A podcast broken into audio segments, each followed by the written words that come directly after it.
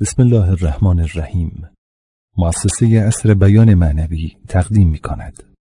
سخنرانی استاد پناهیان تهران هیئت شهدای گمنام سال 94 بسم الله الرحمن الرحیم الحمد لله رب العالمین و صلی الله علی سیدنا و حبیبنا بالقاسم المصطفى محمد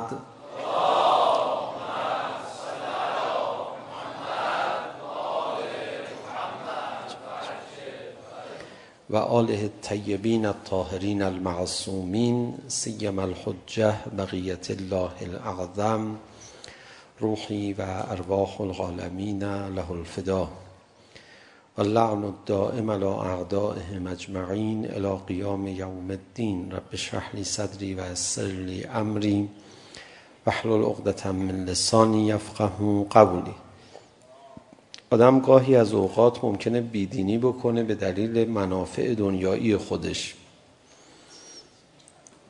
خب خدا چنین آدمهایی رو به شدت مورد عتاب و عقاب قرار میده. در دنیا و آخرت اونها مورد غضب پروردگار هستن. ولی بعضی وقتا آدم بیدینی میکنه و به ضررش هم تموم میشه. از قبلم معلومه. که آقا این بیدینی تو به ضرر تموم میشه. دین نداری لاقل منافع دنیایی خودت و حواست باشه. این تفاوت خیلی تفاوت آشکاریه. یه کسی بیاد از یاری دین خدا دست برداره. به چه دلیل؟ میگه آقا به ضررم تموم میشه. این آدم بگذاره امام حسین علیه السلام تنها بمونه و به شهادت برسه. چرا؟ میگه آقا به ضررم تموم میشه. من جونمو دوست دارم. به نظر ما میرسه این آدم خیلی آدم بدیه ولی این آدم خیلی بهتره از اون کسی که بذاره امام حسین علیه السلام تنها بمونه. و امام حسین رو کمک نکنه و بعد به ضررش هم تموم بشه. خب این دیگه خیلی حماقته. این دیگه نهایت رزالته. آیا کسانی هستند که بیدینی بکنن در حالی که هیچ نفع خاصی هم از بیدینی نبرن؟ بله. خسرت دنیا و آخرم میشن. ما میخوایم در این جلسه چون در دهه مبارک فجر هم هست از دینداری دست برداریم. بگیم آقا دینداری هر جا با منافع ما در تضاد بود باشه بی خیال ما ازش دست برمیداریم. حالا اگر جایی بیدینی به نفع ما نبود که به ضرر ما بود اون وقت چی؟ بازم باید بیدینی کنیم. سر یه انگیزه روانی غیر عقلانی مزخرف خیلی کوتاه و گویا این دو تا تفاوت رو میشه همه ببینن راحت خب نکته دومی که بخوام اضافه کنم اینه که اون کسانی که نابود میکنن ملت ها رو اونا کسانی نیستن که به خاطر منافعشون دست از دین برمیدارن اونایی هستن که دست از این برمیدارن دست از دین برمیدارن. منافعی هم گیرشون نمیاد. آخه برای چی آخه؟ برای چی تو اینقدر نادانی میکنی؟ چی گیرت اومد؟ آخه به یه دلیلی بیدینی بکن که بیارزه. به, د... به یک دلیلی دین خدا رو یاری نکن که به صرفه اگه نصرفه خب بیدینی نکن. واقعا اینها ملت ها رو بیچاره میکنن. یا خطرشون ضررشون خیلی بیشتره. نمیخواد با آیه قرآن و روایت و خدا و پیغمبر با اینها آدم مواجه بشه. با منطق و عقلانیت و اونم با عقل تجربی دنیایی آدم با اینها مواجه میشه. آقا این که به ضررته. دقایق آخر ابا عبدالله الحسین به عمر سعد فرمودن که عمر سعد آقا تو یه سال تو بعد از من زیاد عمر نمی کنی نمیرسی بری ری تو الان میخوای به خاطر ری منو بکشی من دارم بهت خبر میدم ری گیرت نمیاد خواست برو دیگه بعد ری گیرت نمیاد ولی من بهترین باغهای مدینه رو بهت میدم یه باغ هم به بدبخت عمر صد ندادن بعد از کشتن عبا عبدالله الحسین خب چرا میخوای منو بکشی به ضررت میشه نکش منو به نفعت میشه تو چی کار داری به برو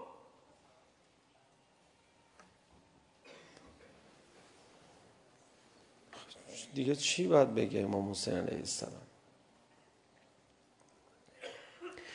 یا مقدمه دوم آقا بذارید من بعد حرف بزنم ولی این قسمت بعد حرف منو پخش نکنید تو رو خدا آقا هر جا به نفعت بود بیدینی کنی بی خیال بیدینی کن ولی جایی که به نفعت نبود بیدینی نکن خدا شاید خود به خدا نصف اصلی بیدینیات از بین میره نورش او یکی قسمت هم درست میکنه یه جور دیگه هم میشه این حرف رو زد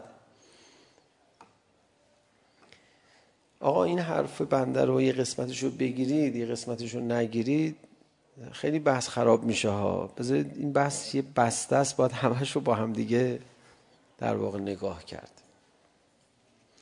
اگه یه جایی نیاز به یه گناهی نداشتی این گناه رو انجام نده همون گناه ها رو فقط ترک کن خوبه دیگه چی بگه آدم این که دیگه نکشته بود تو رو که خفت نکرده بود که این گناه رو بکنی که نیازم نداشتی خواست بی خیال دیگه خب اگه گناهی رو احساس نیاز کردیم چی میگم بیدینی میخوام حرف بزنم اینه اون گناهی که احساس نیاز میکنی اونقدر قباحت نداره. نسبت به اون گناهی که احساس نیاز نمیکنی. خب اونو چرا داری انجام میدی؟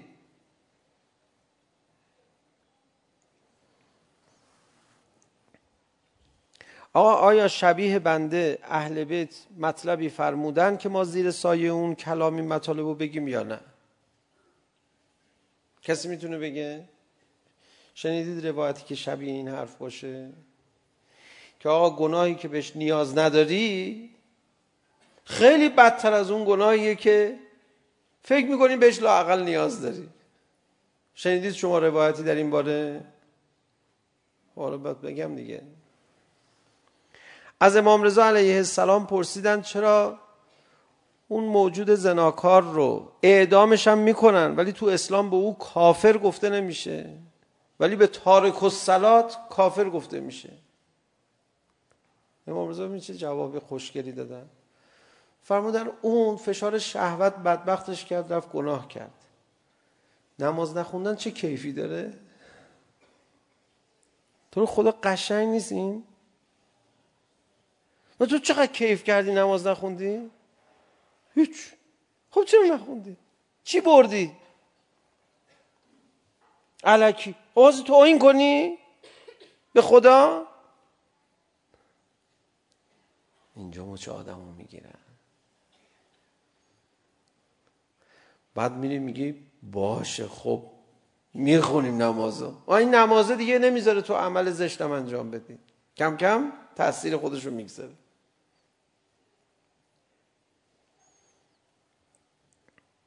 خیلی منطق روشنیه. قسمت بعدی حرف. تا حالا دو قسمت شد دیگه. قسمت اول چی بود بفرمایید بعضی وقتا آدم دین خدا رو یاری نمیکنه چون به نفعشه. میگیم جهنم. ولی اون وقتی که آدم دین خدا رو یاری نمیکنه به نفعش هم نیست. اونجا چه مرضی داره؟ مقدمه اول. مقدمه دوم چی بود؟ اونجایی که دین خدا رو کمک نمی کنی بعد به ضررت هم هست به نفعت هم نیست. اینجا ضربش بیشتره گناهش سنگینتره. گناهش سنگینتره پیش خدا عذاب بیشتری میبینه طرف. ضربش سنگین‌تره برای جامعه.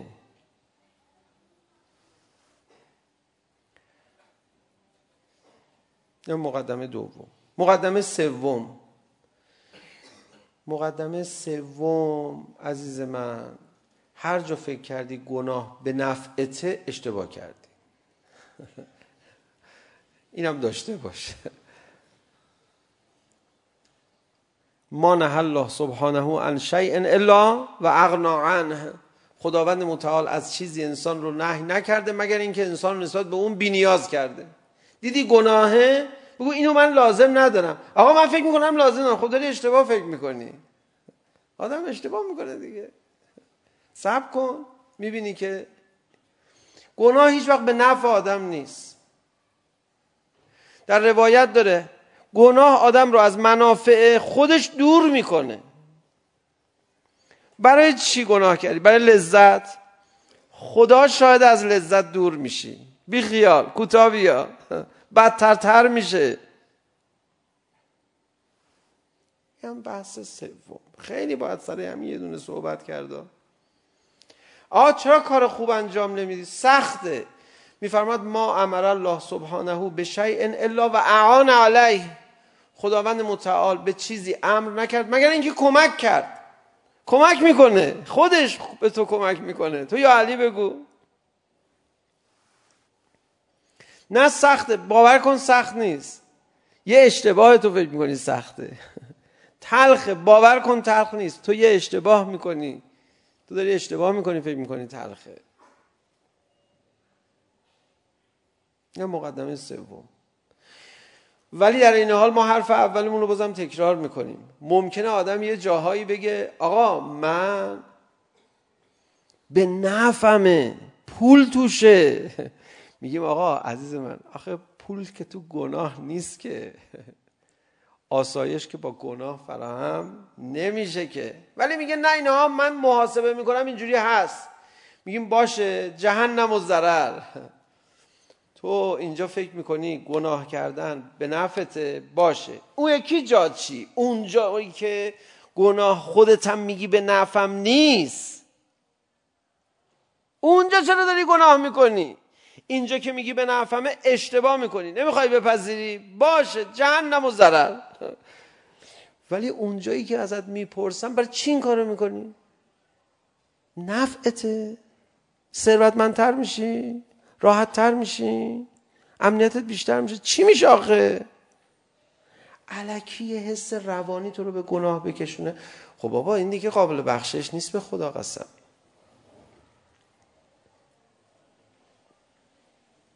سه تا مقدمه. حل؟ ملت شریف. حل؟ خب.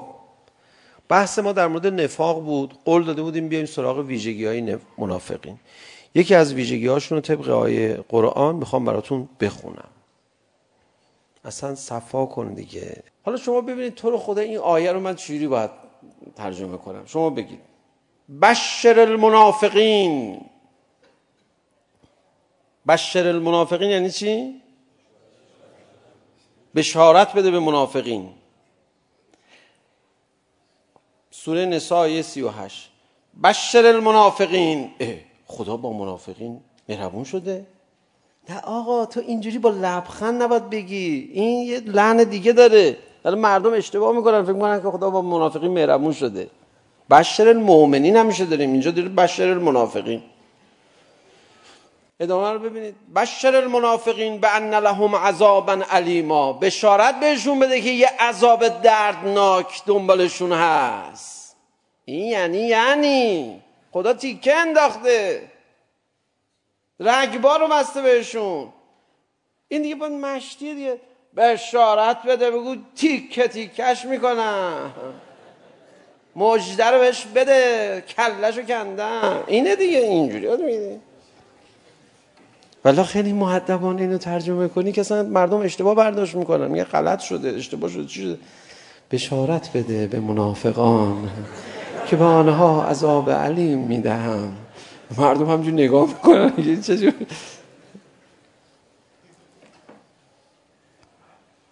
خب این از این تیکه های ناب قرآنیه شبیه این کم داریم تو قرآن نوش جان منافقین دیدی الان منم مشتی صحبت نوش جون منافقین اینجوری بشر المنافقین بان لهم عذابا علیما بشارت بده به منافقین که یک عذاب دردناک براشون هست حالا برای چه مرضی از منافقین ها حالا برسیم به بحث خودمون این تیکاش چیز بودا میان برنامه بود الذين يتخذون الكافرين اولیاء من دون المؤمنين ايبتغون عندهم العزه فإن العزة لله جميعا.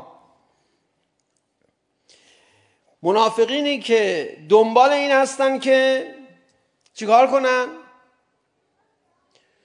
نزد کافران عزیز بشن. مناف... منافقا یکی از خصلتاشون اینه. دوست دارن کافرها اینا رو تحویل بگیرن. آقا پول بهت میده؟ به نفته نه. فقط میخوام بهم لبخند. میخوام 100 سال سیاه نزنه. خب این ور خیلی ها دیگه بهت لبخند نمیزنن. میگه نه اونا لبخند بزنن. خب آخه قربتی اونا به تو لبخند بزنن چی بهت میرسه؟ هیچی فقط اونا لبخند بزنن. خب پول بهت میدن. این بیت میدن ما کوتاه میای. چی بهت دادن؟ هیچی به لبخند میزنن.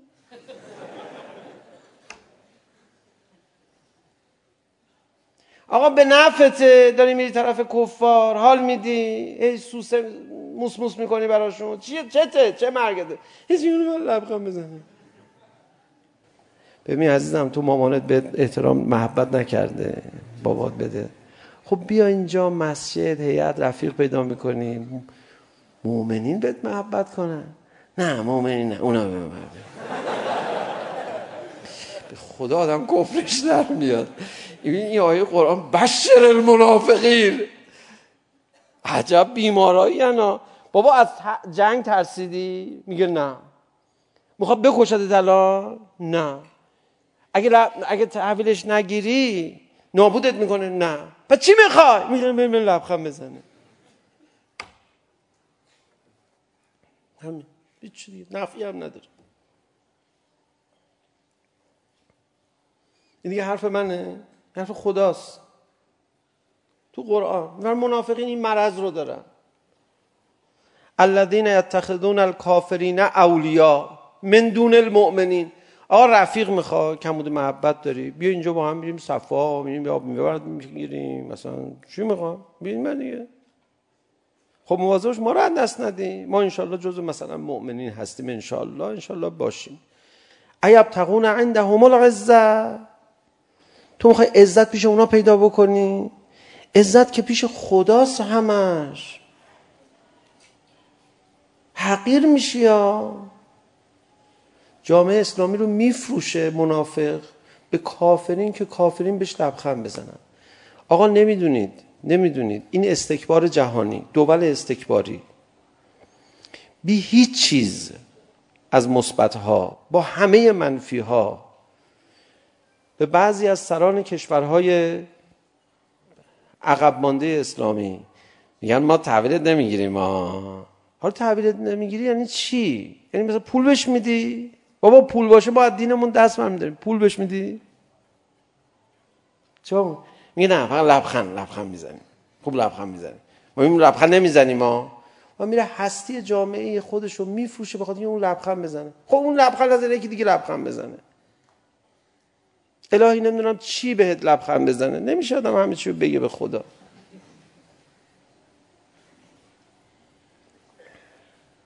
منافق خصتش اینه خصتش اینه بدون اینکه دنبال منفعت خاصی باشه یه حس روانی داره اون تحویلش بگیره حال میکنه حالا مؤمن تحویلش بگیره حال نمیکنه رفقا جوونا تو رو خدا یه وقتی دید پس فردا سیاست مدار شدید. از الان تمرین کنید. بیدین تحویلت گرفت چیز کن یه دفعه بهت بر بخوره. حالا کشی مثلا لبخند چه فایده داره؟ مؤمن تحویلت گرفت خوشحال شو. او خدا ممنونتم منو پیش مؤمنین عزیز کردی. ای خدا ای خدا ممنون. من که لایق نبودم. این مؤمنین من تحویل بگیرم. یه مؤمن تو رو تحویل بگیره بهتر از اینکه یک میلیارد کافر تحویلت بگیره. یه متقی تحویلت بگیره. جوون شما همه در معرضی دا. میگه چرا موهاتون اینجوری کردی؟ میگه آخه اون رفقای من مسخرم میکردن. مثلا رفقای خوبم داشتی. میگه نمیدونم چرا مسخره کردن اینا مهم نیست برام. مسخره کردن اونا برام مهمه. من چیکار کنم؟ اگه موهاتو خوشگل میزدی خب خیلی دیگه این من جوونه فهمیده ای تو این بازی ها نیفتاده چه آدمه با شعوری چه جوونه با ادبی خب اینم خیلی بهت میگم میگه این مهم نیست هرچه آدم بد تو رو تعریف بکنه مهمه آدم خوب تو رو تعریف بکنه مهم نیست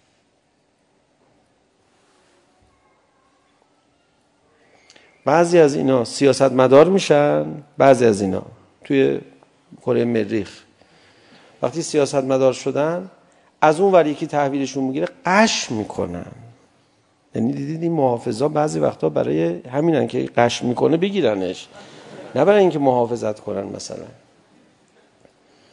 اون تحویل میگیره این قش میکنه حالا چقدر تحویل میگیره یه ذره تحویل میگیره اونم چیز کوپونی میکنه. میگه زیاد تعبیر نگیرا. یه ذره. خوب شد ما سیاسی نشدیم. والله همه این چیزا رو میفهمیدیم. میدونی؟ خیلی ناجور میشد. مثلا با سیاست کاری نداریم ما. ایبتقون عنده هم العزه امام یه کسی بود که اصلا عزت پیش اونا رو نمیخواست. خدا به چه عزتی داد؟ اصلا عزت پیش کافرها رو نمیخواست خدا به پیامبرش میفرماد میفرماد چشم تو از این فقرای معنوی و مذهبی که دورت جمع شدن ور ندار بری دنبال این باشی که آدم با کلاس تحویلت بگیرن ها همینا رو داشته باش اونا رو ول کن اونا چی نه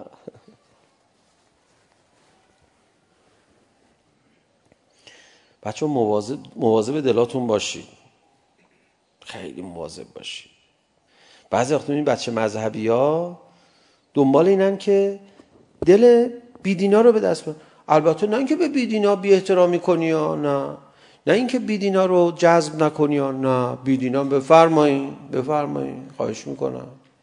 قدم رو چش.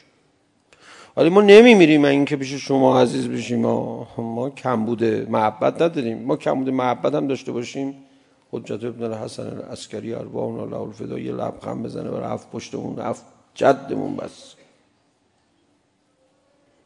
ما دوان لبخند آقاییم شما خدمت میکنین جذب باید بکنین باشه مهربون باشه چش وظیفمونه شما بیدین مثلا ببینید چه بسا شما هدایت شدیم ما هدایت نشدیم مثلا شما چه بسا بدیتون آشکار من بدیم پنهان. باش ما اصلا شما رو تاج سر خودمون میدیم گدای محبت شما نیستیم ولی ها.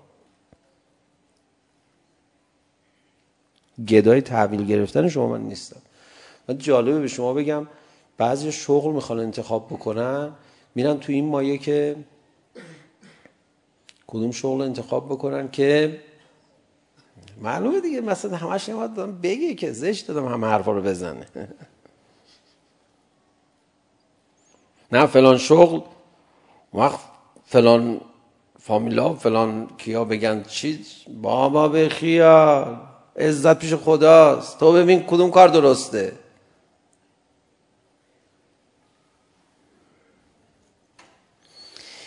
یه نکته روانیش اینه که میدونین کافرها خیلی دست به مسخره کردنشون خوبه لذا کسانی که مسخره میکنن نیش میزنن آتیش میزنن آدمو یه دفعه آدمو تحویل بگیرن آدم قند تو دلش آب میشه ببین عزیزم وجود ضد تمسخری داشته باش نه ترس از تمسخر یادتون باشه یه بار ما اینجا در این باره صحبت کردیم اولین حرفی که خدا به پیغمبرش زد برای تبلیغ دین فرمود انا کفیناک المستهزئین برو تبلیغ تو شروع کن مسخره کردن ها هم علیه تو شروع خواهد شد ما هم جلوشون رو میگیریم از تمسخر نترس نفرمود از جان خودت نترس او از آبرود نترس برو برای دین خدا کار کن آقا خدا به پیغمبرش میخواد تو فرماد شروع کن فرمود از آبرود نترس نفرمود از جانت نترس نفرمود از مالت نترس او از آبرود نترس بچه مذهبی ها یه وقت گیر آبرو نمونید اونم آبرو پیش کفار منافق آبرو پیش کفار میخواد بحث تموم شد خیلی روشن بود بحث امشب دو تا چهار تا تموم شد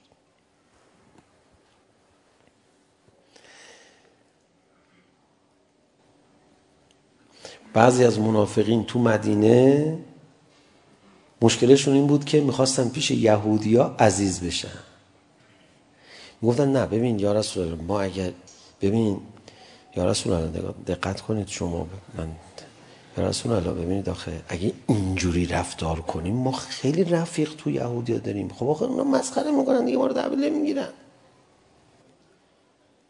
ای ابتغون عندهم العزه این مشکلات پیغمبر تو مدینه است خب اگه تو حرف ما رو گوش کنی ما تحویلت میگیریم عوضش حالا اون یهودی مدینه خدا هم طراحی کرده ها. تو مدینه آغاز بنیان گذاری تمدن اسلامی و جامعه اسلامی یه عده یهودی ضد اسلام گذاشته میخواد مؤمنین امتحان کنه. حالا همشون گرفته گذاشته تو قوطی. اومد گفت یا رسول الله. یه نفر اومد گفت یا رسول الله من رفیق تو یهودیا زیاد دارم. ولی از اون وقتی که این حرفو شما زدی من دیگه بی خیال اونا شدم. هر چی شما بگی. رفیق اون یه رفیقی داشت. گفت من نمیتونم یا رسول الله من نمیتونم اون رفقامو از دست بدم. من زیاد با شما هر چی شما بگی گوش کنم اون رفقامو از دست میدم و باید داشته باشم اینا رو همه رو. ایب تقون عنده مول عزت بیشه اونا عزت میخوای پیدا کنیم تو این انقلاب بعضیا این آب خوردن عزتشون رو پیش امام از دست میدادن که عزت پیدا کنن پیش ضد انقلاب. که وقتی رفتم تو ضد انقلاب. جستاشون هم داشته باش. بله البته این جستای طلب عزت پیش کفاره. نه به آدم باید منطقی باشه. بالاخره امامم خوبیای خودش رو داره اشتباهات خودش رو داره. اینجوری واو نامرد کدوم اشتباه بگو دیگه. نه معصوم که نیست حالا بله معصوم که حالا بگو کدوم اشتباه حالا معصوم نیست که تو نباید هر تهمتی بزنی که. حالا کدوم اشتباه نه بالاخره میدونی. ما یعنی میگیم میخوان ما اونجوری که چیز نیستیم که. لبخند بزن لبخند. لبخند. کافر دشمن. لبخند بزن. من بدبخت اون لبخند تو بابا این لبخند بزن. اون چهار تا کفرم میگه بزن دیگه این بیچاره. مرد. همش همه این دروغا رو همه این نفهمی ها رو همه رو داره به خاطر اون لبخنده میزنه. بابا مرد! خدا انشالله همه ما رو مبرا بکنه. یه تیکه تاریخی بگم از این عیبتقون عندهم العزه شما باور میکنید بعضیا دینشون رو بهشتشون رو در آستانه بهشت میفروشن. بعدش هم همه هستیشون رو از دست میدن. به جهنم میرن. فقط به خاطر یه ذره آبرو. اونم آبرو پیش کیا؟ قبول میکنید یا من یه نمونه تاریخی بزنم. زبیر رو میشناسید؟ زبیر. آدم معمولی ساده نبوده تنها کسی که در واقعه سقیفه با شمشیر اومد بیرون از علی ابن ابی طالب و مظلومیتش و فاطمه زهرا دفاع کرد. حله زبیر میدونید کی بود؟ 25 سال به خاطر طرفداری از علی ابن ابی طالب تو حکومت راهش ندادن. زبیر میدونی کی بود؟ رسول خدا در مدحش سخن گفته. زبیر ساده نبود. یه آدمی بود نامردی کرد. همینجوری گفتی؟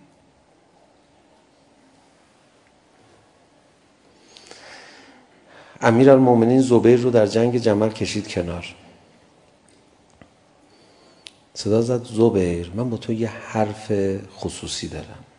حالا این تیکه هاشو من دارم اضافه میکنم. فرمود زبیر یادت با هم بودیم پیش رسول خدا. رسول خدا چی بهت گفت؟ گفت کدومشو میگی؟ رسول خدا بهت فرمود که تو در یک بیابانی با این مشخصات جلوی علی می ایستی. زبیر این کارو نکن. و آره آره یادم اومد. یادم نبود. گفت الان همون بیابون نیست. گفت آره. آقا فرمود خب وای نستا دیگه. برو دیگه. رفت تو فکر. داشت تموم میشد قائله رفت تو فکر. برم. سرش بلند کرد میدونید چی گفت؟ گفت برم برگردم زنهای بسره منو مسخره میکنن. آقا فهمو همین. برای مسخره نشدن زنهای ب... زنهای بسره کی آخه مس... مگه؟ گفت خب بالاخره ما اومدیم جلو دیگه. الان عقب بشینیم. میگن ترسید. آقا بهش پالسو داد که حالا اونو یه فکری براش میکنیم برو ولی عجب داستانه اصف انگیزی این داستان زوبر برگشت گفت نمیخوام به جنگم پسرش جا زدی مسخره بعد هم از از پسرش شروع شد گفت نه من جا نزدم من شجاعتم کم نشده هرچی فکر کردن نمیشه درست نیست آخه گفت نه تو ترسیدی گفت من ترسیدم شمشیر رو کشید به عنوان اولین کسی که یه تنه حمله کنه به لشکر علی ابن ابی طالب جنگ شروع کرد برای اینکه کم نیاره آقا امیر المومنین به لشکر صدا زد لشکر بکشه عقب. هی زبر بذارید دور بزنه شکم بدید. درگیری ایجاد نشه. این فقط میخواد شجاعتش رو اثبات کنه. بره بر بره میره. هی حمله میکرد لشکر خودشون میکشید عقب. حمله میکرد لشکر. دیگه شجاعتش رو اثبات کرد. به به زبیر. ماشاءالله زدی لشکر امیرالمومنین رو تارو مار کردی. آقا فرموده بی نداره. یه نفر بذارید نجات پیدا کنه. بعد برگشت کدومتون اینجوری میتونید بجنگید به من میگی در سو ولی من نمی جنگم شمشور انداخت پایین رفت جنگ شروع شد یکمی فاصله گرفته بود از لشکر یکی از لشکریان امیرالمومنین در جریان ماجرا نبود یه دفعه اه فتنه افروز اصلی زبیر اینجاست شمشیر حمله کرد سرشو برید آورد جلو علی ابن ابی طالب گنداخ رو زمین آقا تاسف وای زبیر خودتو بدبخت کرد میگن آقا اینقدر متاسف شد من میخوام از جانب امیرالمومنین یه حرفی به زبیر بزنم حالا میذاشتی مسخرت کنم این یه دونه شجاعت رو نمی اومدی افه نمی اومدی حالا چی شد برو تا عبد تو چه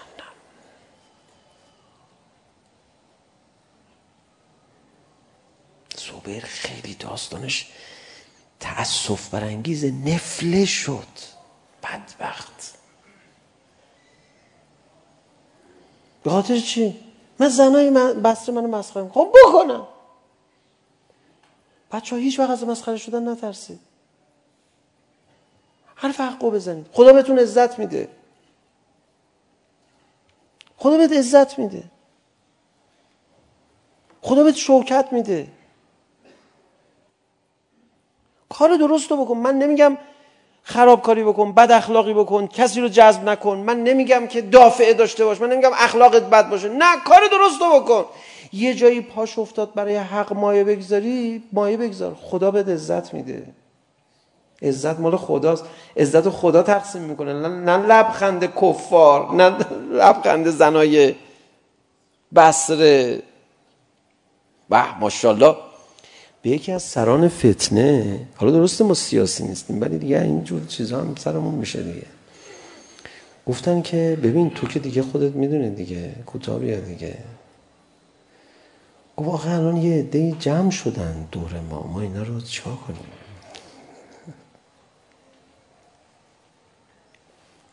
Mm-hmm.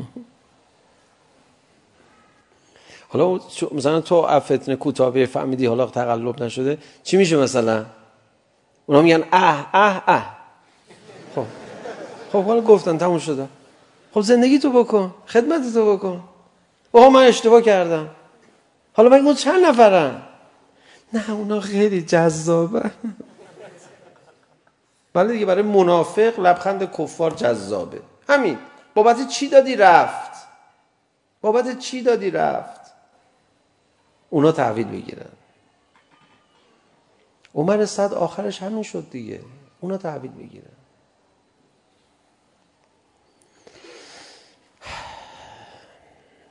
دعا کنم برای خودمون بی خیال همه خدایا ما رو گدا گرسنه لبخند دشمنان خودت قرار نده دوباره میگم خدایا ما رو گدا گرسنه لبخند بیدینا قرار نده خدا سه باره میگن ببین گوش بده حرف ما ما بیچاره میشیم ما. کسی هم غیر تو نداریم. خدایا ما رو گدا گرسنه لبخند و تحویل گرفتن دشمنان خودت قرار نده. به ما حریت و استقلال و آزادی عنایت بفرما. دشمنای تو رو هیچی حساب نکنیم. خدایا ما رو در مقابل تمسخر دشمنان خودت مقاوم بگردان خدای حالا که دیگه تو این هم راه رو اومدی این یه دونه هم ما رو مقابل تمسخر کلا مقاوم بگردان ولی ما رو در مقابل خودت با حیا قرار بده. در مقابل مؤمنین و ولی الله العظم با حیا قرار بده. خدایا در دنیا و آخرت ما رو از اهل بیت جدا مگردان. و صلی الله علی محمد و آله الاطهار بیان معنوی نقطه آی آر.